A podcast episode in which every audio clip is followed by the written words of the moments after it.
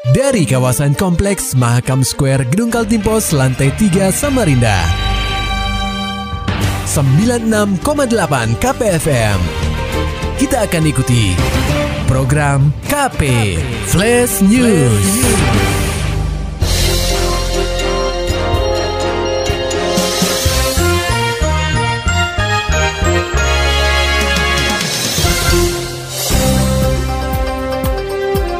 Anda sedang menyimak program KP Flash News bersama saya Agung Pratama.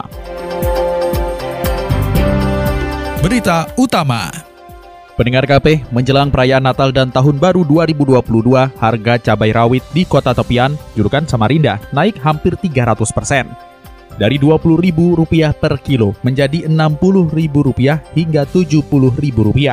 Selain cabai, bahan pokok lainnya juga mengalami kenaikan seperti minyak goreng dari harga Rp15.000 per liter menjadi 18 sampai dengan Rp22.000 per liter.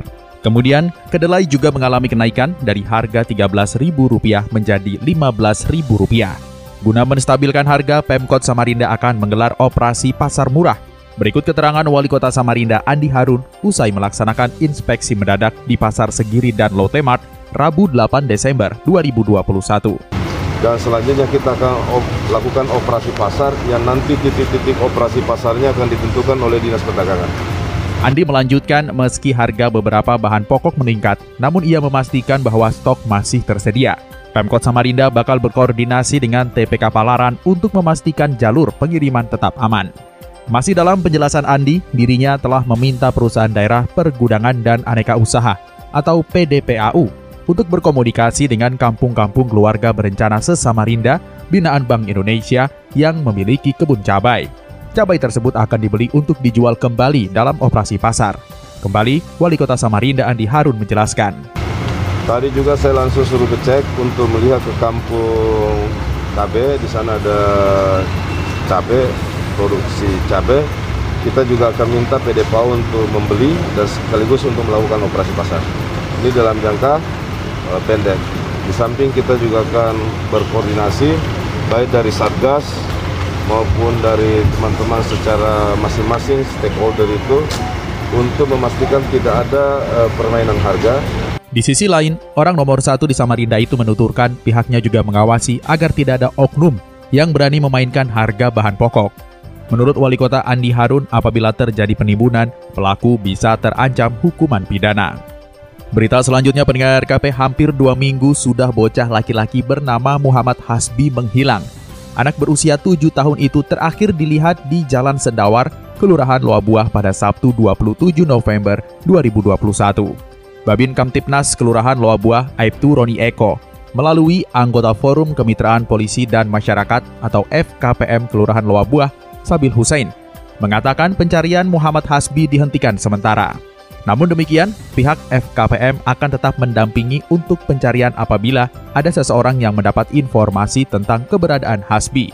Sampai dengan hari ke-12 ini, hmm. artinya uh, kami tidak ada lagi melakukan pencarian karena hmm. kemarin memang uh, atas permintaan dari orang tua, hmm. pernyataan daripada orang tua uh, Muhammad Hasbi hmm. bahwa pencarian itu dihentikan.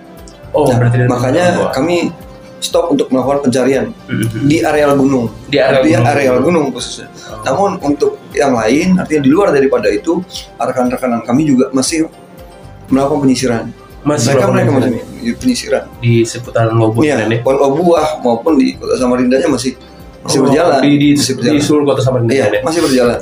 Selain itu, Sabil juga menceritakan pada saat pencarian hilangnya Muhammad Hasbi, banyak orang yang beramai-ramai datang ke lokasi terakhir kali Hasbi terlihat. Orang-orang tersebut datang dari masyarakat, relawan, hingga paranormal yang ingin ikut melakukan pencarian terhadap Muhammad Hasbi. Kendati demikian, warga yang tinggal di kawasan lokasi hilangnya Hasbi merasa resah dan tidak nyaman lantaran aktivitas pencarian sangat mengganggu waktu istirahat hingga kebersihan di lingkungan mereka. Artinya pendampingan uh, karena kemarin di hari 1, 2, dan 3 setelah pasca hilangnya Muhammad Hasbi ini banyak berbondong-bondong paranormal yang apa yang datang ke sana sehingga warga masyarakat di sekitar tempat itu sedikit merasa risih dan juga sedikit terganggu.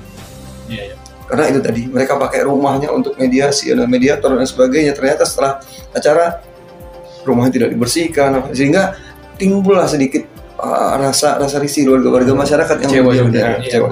Namun artinya kalaupun masih ada warga yang artinya punya kebiasaan atau keahlian di bidang itu silahkan untuk membantu ke gunung atau apa silahkan ko- uh, koordinasi dengan kami kami akan melakukan pendampingan Dikonfirmasi secara terpisah, ayah kandung Muhammad Hasbi, Soeharto, mengungkapkan bahwa dirinya meyakini bahwa anaknya tersebut masih hidup. Ia berharap agar Hasbi segera dipulangkan.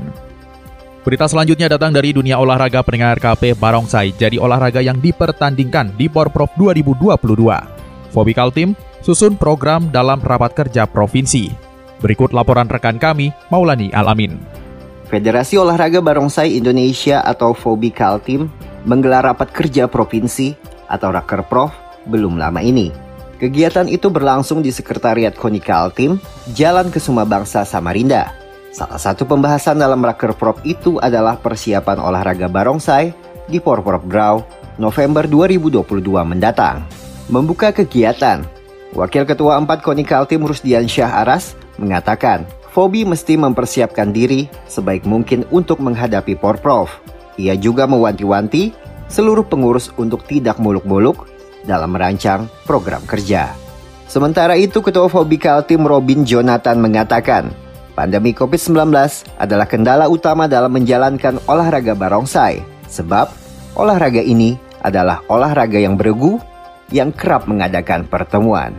Syukur Alhamdulillah malam ini kita bisa berkumpul membicarakan rencana-rencana kita ke depan berkaitan dengan Proprov 28 November.